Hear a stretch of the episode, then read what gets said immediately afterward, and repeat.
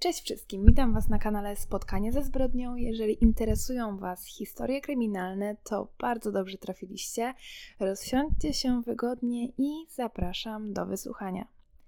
Dziś porozmawiamy na temat, który jest dosyć na czasie, bo będzie o rasizmie wobec osób ciemnoskórych o nadużyciach władzy przez policjantów. Sprawa bardzo podobna do bardzo głośnej sprawy w Stanach Zjednoczonych w Minneapolis, gdzie policjant udusił George'a Floyda.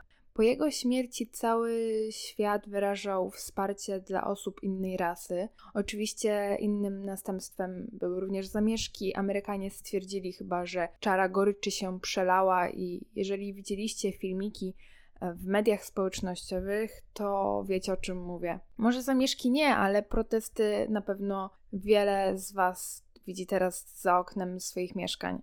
Ale dziś nie o tym. E, sprawa Marka Dugana, bo to o nim będziemy dziś mówić, również nie przeszła bez echa. Nasz dzisiejszy bohater Mark Dugan urodził się 15 września 1981 roku w Wielkiej Brytanii.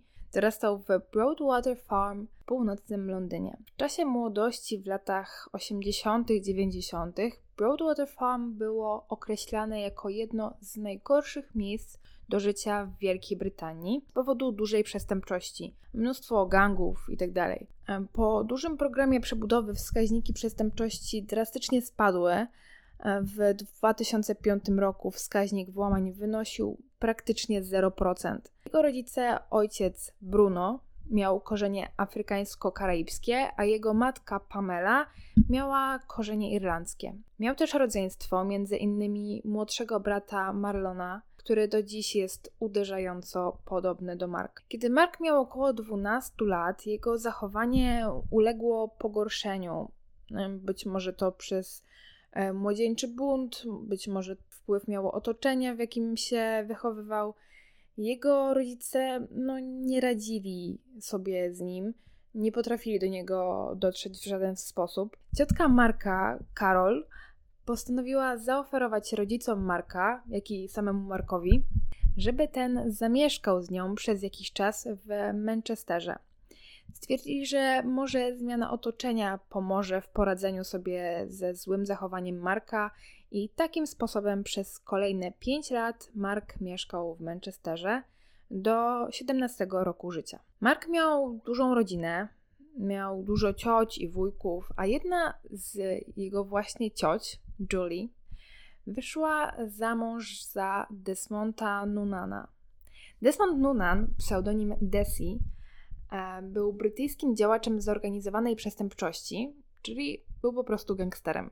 Nawet na Wikipedii w rubryce zawód miał napisane człowiek biznesu, gangster. W pewnym momencie swojej no, nietypowej działalności e, rodzina Nunan była określana jako jedna z najbardziej znanych rodzin przestępczych w historii Wielkiej Brytanii. Desmond wraz ze swoim młodszym bratem Dominikiem byli podejrzeni o odpowiedzialność za co najmniej 25 niewyjaśnionych morderstw podczas ich dwudziestoletniego panowania w podziemiach Manchesteru. Teoretycznie takie powiązania rodzinne nie miały wpływu na zachowanie Marka w Manchesterze, bo nie miał też z nimi częstego kontaktu. Od taka ciekawostka. Gdy Mark wrócił do Londynu w wieku lat 17, poznał Simone Wilson. Simone miała wówczas lat 16, Mark, jak już wspomniałam, 17, ale mimo ich młodego wieku stwierdzili, że kochają się na tyle mocno, że chcą zamieszkać razem. Mark w tamtym czasie pracował w sklepie odzieżowym, a wieczorami dorabiał sobie jako promotor w klubie, żeby jakoś utrzymać siebie i swoją dziewczynę. Jak na lat 17 to naprawdę dojrzałe zachowanie. Simon mówiła, że Mark był e, romantykiem na początku ich związku. Kupował jej bukiety róż, tak duże, że prawie nie mieściły się do auta, e, rozpieszczał ją i po prostu kochał. A owocem tej miłości była trójka dzieci, które w chwili jego śmierci miały 10, 7 i półtorej roku. Jednak Mark był znany jako straszny kobieciarz, kręciło się wokół niego wiele dziewczyn, a jemu to wręcz schlebiało. Nie wiem, czy dziewczyna Marka wiedziała o jego podbojach. Czy wiedziała na to i pozwalała?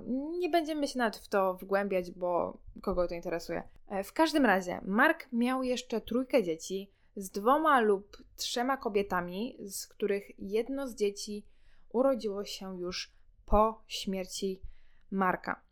Jeden z jego synów, Kemani, jest członkiem londyńskiego kolektywu Drill OFB. Ma on pseudonim Bando K. Jest raperem. Nie jestem tylko pewna, czy jest to syn Marka i Simon, czy Marka i którejś z jego kochanek. Podejrzewam, że to jest dziecko jednak Marka i Simon. No i co ciekawe, Mark i Simon byli ze sobą cały ten czas, e, czyli jakieś 12 lat, aż do śmierci Marka. Mark, gdy miał około 20 lat, był określany jako dobry ojciec. E, był raczej typem domatora, nie wychodził ciągle z domu na imprezy. Był dobrym ojcem, dobrym chłopakiem dla swojej partnerki, pomagał jej w wychowywaniu potomstwa. Jednak kiedy jego syn trochę podrósł, Mark zaczął też imprezować. Dalej był dobrym ojcem, z tym, że po prostu częściej wychodził, ale mimo wszystko zawsze stawiał rodzinę na pierwszym miejscu. Po jakimś czasie pracy w sklepie odzieżowym i jako promotor klubu stwierdził, że to nie jest to, że nie chce tego robić przez całe życie. Postanowił więc zmienić pracę i dostał ją na lotnisku Stansted w Essex. Jednak to też nie była jego wymarzona praca. Przez cały czas, aż do jego śmierci, starał się o pracę jako strażak. Mark miał też taką, powiedzmy, swoją mroczną stronę. W wieku dwudziestu kilku lat stał się współzałożycielem gangu. Był to jeden z wielu gangów w tamtej okolicy, bo Mark w dalszym ciągu mieszkał w Broadwater Farm. Mark nazwał swój gang Star Gang. Była to pochodna gangu Tottenham Mandem, takiego dużego, działającego od lat 70. gangu. Jego rodzina natomiast stwierdziła, że to nie był żaden gang. Mark w żadnym gangu nigdy nie był, że to jest po prostu grupa, grupa znajomych, a nazwa Star Gang była tylko tak o, żeby, nie wiem, było śmieszniej, czy nie wiem, czuli taką wewnętrzną potrzebę nazywania się tak. Jego rodzina nigdy nie zaprzeczała, że Mark miał znajomych czy przyjaciół w Tottenham Mandem, ale mimo to twierdzili, że Mark nigdy gangsterem nie był. Twierdzili też, że Mark nie miał przeszłości kryminalnej, co nie do końca jest prawdą. Mark miał na swoim koncie dwa wykroczenia za posiadanie marihuany i za kradzież, no ale to nie były takie poważne przewinienia, które mogłyby świadczyć o tym, że Mark należy do zorganizowanej grupy przestępczej. Co jednocześnie nie brzmi jak poważny gangster, ale może świadczyć o tym, że policji nie udało się go złapać. Natomiast media i policja sugerowały dość mocno, że Mark mógł być dealerem, że mógł być też zamieszany w wiele innych działalności kryminalnych, takich jak rozboje czy włamania. No i to wszystko zdaje się świadczyć o tym, że Stargang to nie była tylko grupa ziomeczków, która nazywała się tak for fun, tylko serio zorganizowana grupa przestępcza.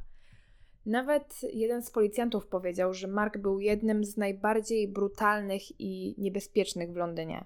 Mieli też podobno powiązania z innymi gangami, między innymi z gangiem tureckim. Oficerowie, którzy byli związani z operacją Trident, mieli Marka na oku. Operacja Trident to jednostka policji utworzona w 1988 roku w celu zwalczania przestępstw z użyciem broni i zabójstw. I tu właśnie oficerowie z operacji Trident byli odpowiedzialni za śledztwa we wszystkich strzelaninach bez ofiar śmiertelnych. Od roku 2012 są również odpowiedzialni za zwalczanie szerszej przestępczości gangów. Natomiast w roku 2013 jednostka zrezygnowała z prowadzenia śledztw w sprawie strzelanin z ofiarami śmiertelnymi, które przejął Wydział Zabójstw. Całe Black Community uważało, że to dyskryminujące, bo operacja Trident e, była właściwie nastawiona na osoby czarnoskóre. Osoby czarnoskóre były takim celem. Bo wiecie, biali policjanci atakują osoby czarnoskóre, oczywiście na pewno bezpodstawnie, po prostu się uwzięli. Oczywiście nie wykluczam, że tak nie było, być może rzeczywiście występował tam rasizm na tle rasowym, no ale to tak dla waszej wiadomości, skoro osoby ciemnoskóre sprzeciwiały się tym oficerom, to wiadomo, że no, atmosfera była między nimi napięta. No i to właśnie policja z operacji Trident e, podejrzewała Marka wraz z innymi członkami tego gangu, nie gangu, e, o nielegalne posiadanie broni palnej.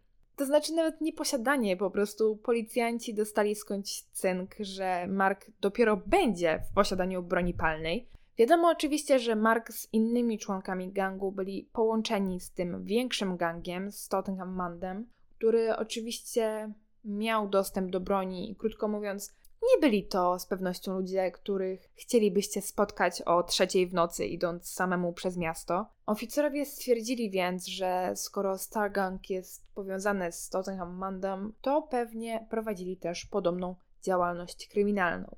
Policjanci z operacji Trident mieli na oku Marka z jeszcze jednego powodu. Podejrzewali, że Mark będzie chciał dokonać zemsty za zabicie jego kuzyna Kevina Eastona, który został dźgnięty nożem przed barem w marcu 2011. Dlatego też policja wierzyła, że to, że jest w gangu, będzie miał dostęp do broni palnej, spowoduje, że zabójca jego kuzyna zostanie pomszczony. Oczywiście policja tylko go podejrzewała, nie mieli żadnych dowodów, że takie zdarzenie może mieć miejsce, nie mieli też dowodów na to, że Mark faktycznie był powiązany z gangiem Tottenham Mandam bo okej, okay, miał powiązania z niektórymi członkami tego gangu, ale to nie znaczyło, że do niego należy, czy że był powiązany z działalnością kryminalną w tym gangu. Członkowie Tottenham Mandem byli lekko zaniepokojeni tym, że policja kręci się koło Marka. Ten gang był naprawdę niebezpieczny. Byli oskarżeni o różne porwania, włamania, napady z bronią w ręku, a nawet morderstwa. Kilkoro z członków zostało aresztowanych, a w związku z tym, że była taka możliwość, że Mark zostanie aresztowany i wzięty na przesłuchanie, bali się, że Mark zdradzi coś policji. Oczywiście, gdyby tak się stało i Mark wyszedłby z aresztu potem, byłby po prostu następną ofiarą. 3 sierpnia 2011 Mark wraz ze swoją dziewczyną i siostrą Spotkali się, było to takie słoneczne popołudnie, więc e, siedzieli sobie w ogrodzie, pijąc i rozmawiając. Mieli plany, by później pójść na grilla, no ale Mark nie był do tego przekonany, nie za bardzo chciał mu się tam iść. Poszedł więc do swojej drugiej dziewczyny, Chanel. Nie wiem, czy Simona o tym wiedziała, jakby to nie jest w tym momencie ważne. Poszedł spotkać się właśnie z nią oraz ze swoją córką, z którą miał z tą drugą dziewczyną. Planowali wtedy chrzciny dla ich córki. Mark o tym nie wiedział, teoretycznie, ale w tamtym momencie policja śledziła go, bo dostali cynk, o którym już wspomniałam. Mianowicie dostali cynk, że Mark ma odebrać od kogoś broń palną tego dnia, więc czekali pod domem Chanel, aż Mark wyjdzie, żeby mogli go aresztować. Jednak dochodziła północ, a Mark nie wychodził. Policja stwierdziła, że ich informator jednak się mylił i do tej transakcji w dniu dzisiejszym nie dojdzie. Około drugiej czy trzeciej w nocy Mark stwierdził, że pora się zawijać i pojechał do swojej trzeciej dziewczyny, Precious. I to u niej postanowił spędzić resztę nocy. To ona była tą dziewczyną, która nosiła jego najmłodsze dziecko, które urodziło się już po śmierci Marka.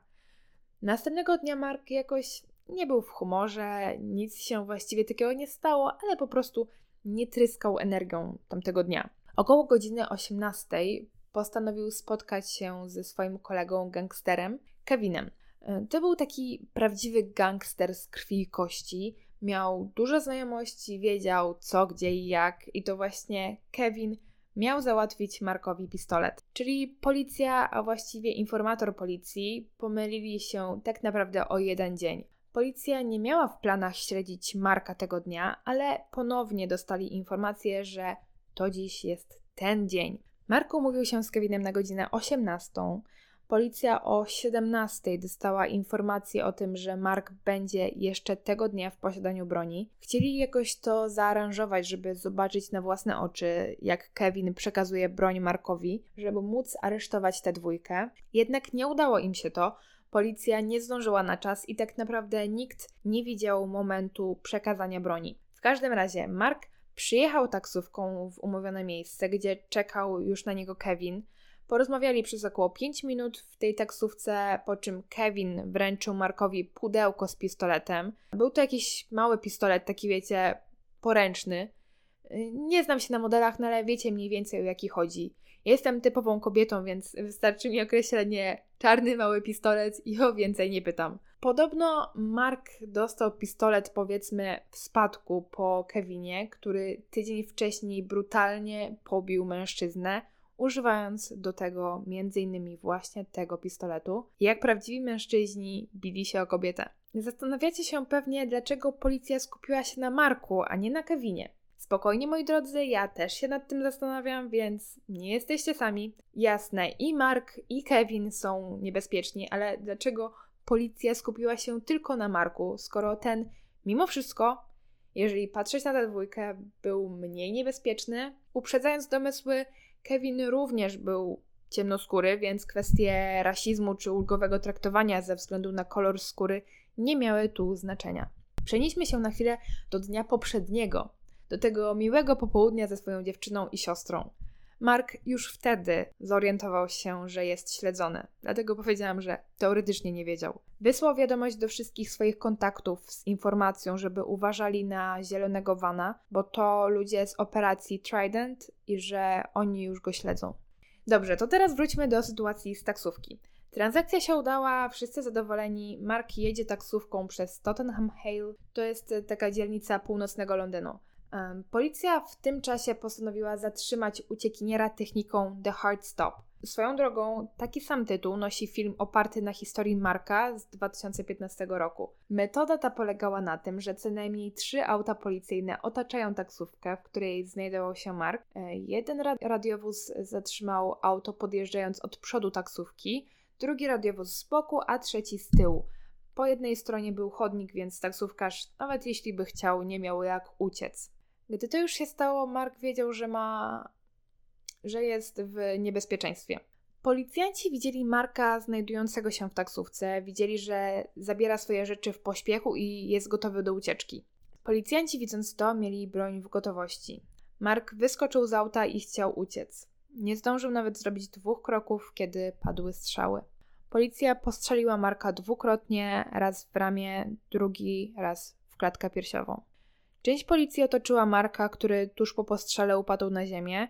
Druga część podeszła do taksówkarza, wzięli go za habety i wyciągnęli z auta. Taksówkarz mówił potem, że policjanci byli nieczuli, traktowali go jako współwinnego, a ten Bogu ducha winny taksówkarz nie wiedział nawet kim jest Mark, nie wiedział w ogóle co się dzieje. Mówił, że policjanci grozili mu, że jego też postrzelą, jeżeli nie przestanie patrzeć na leżącego na ziemi Marka. Zakuli taksówkarza w kajdanki, a ten taksówkarz totalnie nie wiedział o co chodzi, dlaczego myślą, że zrobił coś złego. W międzyczasie Mark leżał na ziemi wykrwawiając się, ale policja totalnie to olała. Krzyczeli tylko do niego, gdzie jest broń, której też zaczęli szukać w rzeczach Marka, ale nie mogli znaleźć tego pistoletu. Jeden z oficerów upadł na ziemię krzycząc, że Mark go postrzelił. No ale czym? Policjanci nigdzie nie mogli znaleźć tej broni. Zabrali więc tego oficera do szpitala. Policjanci spędzili około dwóch minut na pomocy właśnie temu oficerowi, gdzie w tym samym czasie Mark wykrwawiał się i przestał już odpowiadać. Policjanci dobrze wiedzieli, że w momencie postrzału w tors liczy się dosłownie każda sekunda. Dopiero po tych dwóch minutach zadzwoniono na pogotowie, żeby oczywiście uratować jednego z oficerów, a Marka to tam przy okazji zgarnął. Później okazało się, że ten policjant wcale nie został postrzelony, przynajmniej nie celowo, po prostu kula, którą wystrzelił inny policjant, zahaczyła o niego i to nie była jakaś ogromna rana. Gdy pogotowie przyjechało, jak możecie się domyślać, dla Marka było już za późno. Tutaj historia zaczyna się plątać. Każdy świadek, jakiego znaleziono, pamiętał tę sprawę inaczej. Jeden świadek mówił, że widział, że policja postrzela Marka, kiedy ten leżał już na ziemi.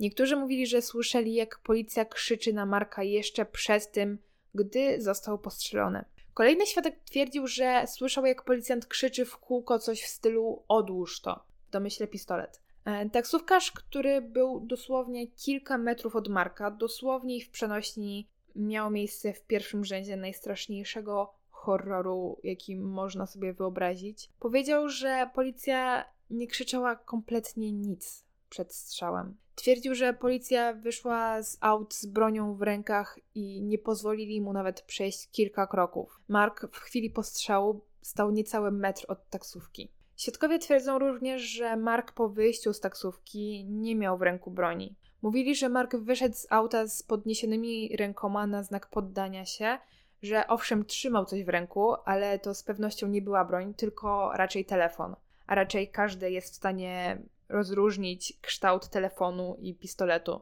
No właśnie, telefon został znaleziony w pobliżu ciała Marka, jednak broni nie odnaleziono. Przynajmniej nie od razu. Patolog sądowy na podstawie tego, jak ciało Marka wylądowało na ziemi i w które miejsca został postrzelony, mógł stwierdzić, w jakiej pozycji stał tuż przed postrzałem. Okazało się, że jedna z kul trafiła w biceps, który jak zbadano podczas strzału był napięty, co mogło świadczyć o tym, że Mark w chwili strzału nie miał rąk w górze, tylko tak jakby sięgał po coś z kieszeni spodni, coś w domyśle broń. Oczywiście policjanci, którzy byli tam wtedy, przedstawili zupełnie inną wersję wydarzeń. Przecież mogli go po prostu aresztować, zabrać broń, postawić zarzuty i tyle. Policjant, który postrzelił Marka, twierdził, że gdy Mark wysiadł z taksówki, zrobił taki ruch, jakby chciał coś wyciągnąć z kieszeni, czyli mamy tu potwierdzenie od patologa sądowego. Stwierdził wtedy, że Mark na pewno wyciągnie broń, więc uznał, że jego życie i życie jego kolegów, policjantów jest zagrożone, dlatego postrzelił Marka Degana. Inny policjant również twierdził, że tak właśnie było, że Mark już właściwie miał broń w ręku, gdy wyszedł z taksówki. Po czasie policja znalazła broń, z tym, że była ona jakieś 7 metrów od ciała Marka gdzieś w krzakach. Można podejrzewać, że Mark wyrzucił broń, gdy wysiadł z taksówki, ale żaden świadek wcześniej nie zeznał, że widział Marka wyrzucającego cokolwiek. Było tam 11 policjantów i żaden nie zauważyłby, że Mark coś wyrzuca? Wyrzucenie pistoletu to nie jest wyrzucenie papierka po cukierku, raczej da się to zauważyć. Możecie powiedzieć, okej, okay, to może Mark wyrzucił broń zanim jeszcze w ogóle wysiadł z taksówki, po prostu otwierając okno. No właśnie nie. Okna w tej taksówce nie otwierały się na tyle szeroko, żeby Mark mógł wyrzucić ten pistolet na 7 metrów w dal. Nie wiem, czy kojarzycie, wiem, że to był częsty mechanizm w starszych autach Teraz e, już raczej się chyba tego nie spotyka, ale właśnie w takich trochę starszych autach montowali szyby z otwarciem na taki lufcik, że wypychało się szybę na jakieś 2-3 cm do zewnątrz i był tam jakiś przewiew. No i właśnie taki sam mechanizm był w taksówce, którą jechał Mark.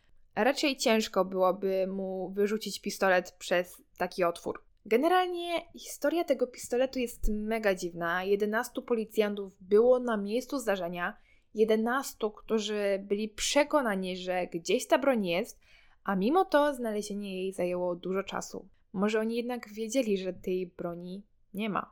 Na broni, którą w końcu znaleziono, nie było też żadnych odcisków palców, co było praktycznie niemożliwe, bo Mark tego dnia nie miał na sobie rękawiczek, więc dlaczego nie było ani jednego śladu powiązującego go z bronią? Niektórzy twierdzą, że policja po postrzale zorientowała się, że Mark jednak nie miał broni i nie mieli tak naprawdę podstaw do zamordowania go. Jednak było już za późno, więc postanowili podłożyć tę broń, żeby policjanci nie mieli problemów przez to całe zajście.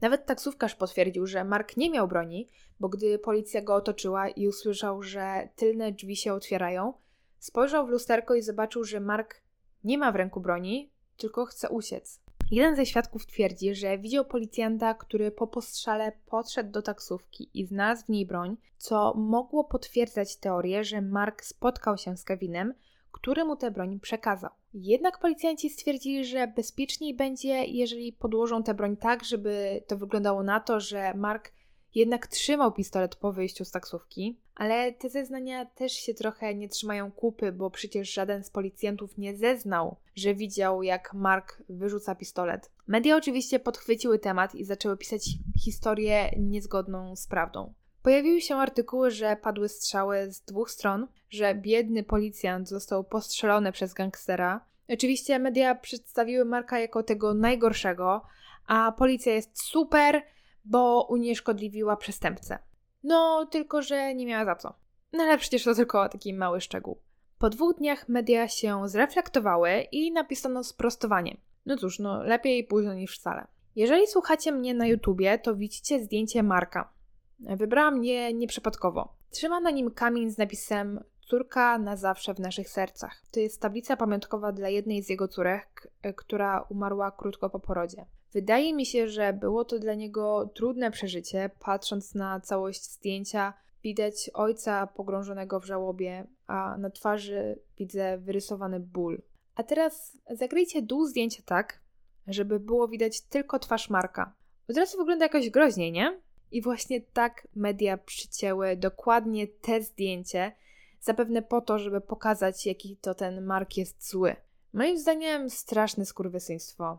Wróćmy jeszcze do policji. Rodzina Marka dowiedziała się o wszystkim godzinę po tym wydarzeniu. Postanowili pojechać i dowiedzieć się, gdzie Mark został przetransportowany. Dostali informację, do jakiego szpitala go zabrano. Jednak gdy tam dotarli, okazało się, że Marka nie ma. Okazało się, że policja wskazała rodzinie zły szpital. Mark umierał, rodzina z pewnością o tym wiedziała. Tak naprawdę chciała się tylko z nim pożegnać ostatni raz. A policjanci nawet nie zadali sobie tyle trudu, żeby sprawdzić, do jakiego szpitala został przetransportowany, a został zabrany razem z tym jednym policjantem hipochondrykiem. Co jest jeszcze bardziej absurdalne, przez następne dwa dni policja nie odzywała się do rodziny Marka.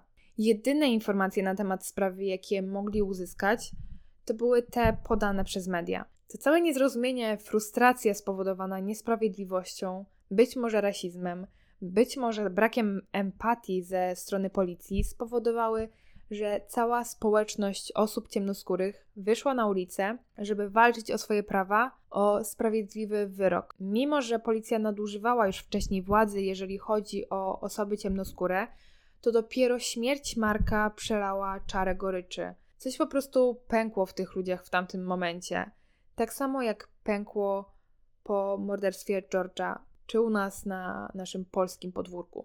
Ludzie przez 5 godzin protestowali przy budynku policji, chcieli, żeby ktoś wyszedł i z nimi porozmawiał, wyjaśnił cokolwiek, ale przez 5 godzin nikt nie wyszedł.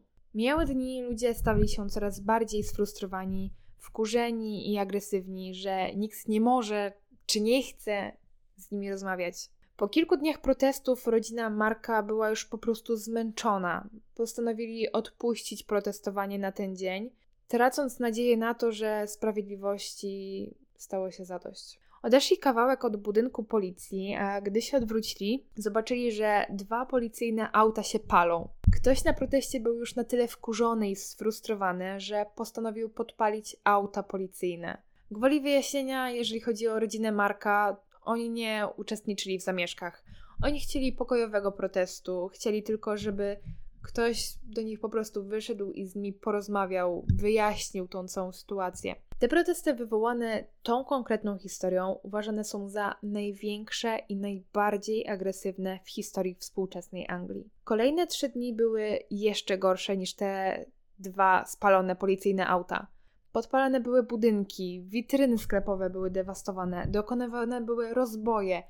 Ludzie niszczyli też przypadkowe auta. Około 100 rodzin zostało bez dachu nad głową właśnie przez te zamieszki, które trwały 3 dni. Po trzech dniach było około 200 osób rannych, z czego około 180 z tych rannych było policjantami. Zatrzymano około 3000 ludzi, z czego część z nich nie była zbyt mądra, bo Złapano ich na podstawie zdjęć i filmików postowanych na swoich social mediach. Na przykład ktoś wstawił zdjęcie, żeby pochwalić się, co ukradł podczas zamieszek. Nie obyło się też bez ofiar śmiertelnych, których w sumie było pięć, z czego jedna osoba została zaatakowana i zabita przez protestujących. Było naprawdę grubo. Postaram się Wam tu wstawić, jak to wygląda. Jeżeli mi się to nie uda, to zostawię Wam link na dole w opisie. W tym przypadku protesty były na początku chęcią walki o swoje prawa, pragnieniem, żeby osoby odpowiedzialne za morderstwo odpowiedziały za nie przed sądem, żeby osoby ciemnoskóre były traktowane na równi. A protesty zakończyły się zamieszkami, które przyciągnęły ludzi po prostu agresywnych. Z czasem zapomniano w ogóle, jaki był początkowy cel tych protestów. Rodzina Dagan przez 2,5 roku nie doczekała się sprawiedliwości. Właściwie nie doczekała się sprawiedliwości do tej pory, ale o tym zaraz. Rodzina Dagan nie doczekała się jakiegokolwiek werdyktu w tej sprawie. W międzyczasie jeszcze Kevin, ten gangster, który podobno oddał broń Markowi, został skazany za nielegalne posiadanie broni. Sędziowie w tej sprawie nie byli jednoznaczni. Jedni wierzyli w niewinność Marka, inni znowu twierdzili, że Mark był realnym zagrożeniem dla policji w tamtym momencie. I w końcu 8 stycznia 2014 roku sąd stwierdził, że było to zabójstwo zgodne z prawem i policja nie powinna odpowiadać za śmierć Marka Dagana. Osobiście uważam, że to nie było możliwe, żeby Mark trzymał broń w ręku w momencie wyjścia z taksówki. Trochę ciężko robiło mi się ten materiał ze względu na sytuację w Polsce związaną ze strajkiem kobiet, bo niestety w tym przypadku opisywanym przeze mnie to władza postawiła na swoim. Władzy nie interesowało to, że przez niesprawiedliwość powstały zamieszki, bo i tak zrobili co chcieli. Może też dlatego, żeby chronić policjanta, który postrzelił Marka. No nic, to już wszystko, co dla Was dzisiaj przygotowałam. Dajcie znać, czy znaliście tę sprawę, czy może ta sprawa była dla Was kompletnie nieznana. A tymczasem bardzo dziękuję Wam za wysłuchanie. Zapraszam też do sprawdzenia moich poprzednich odcinków.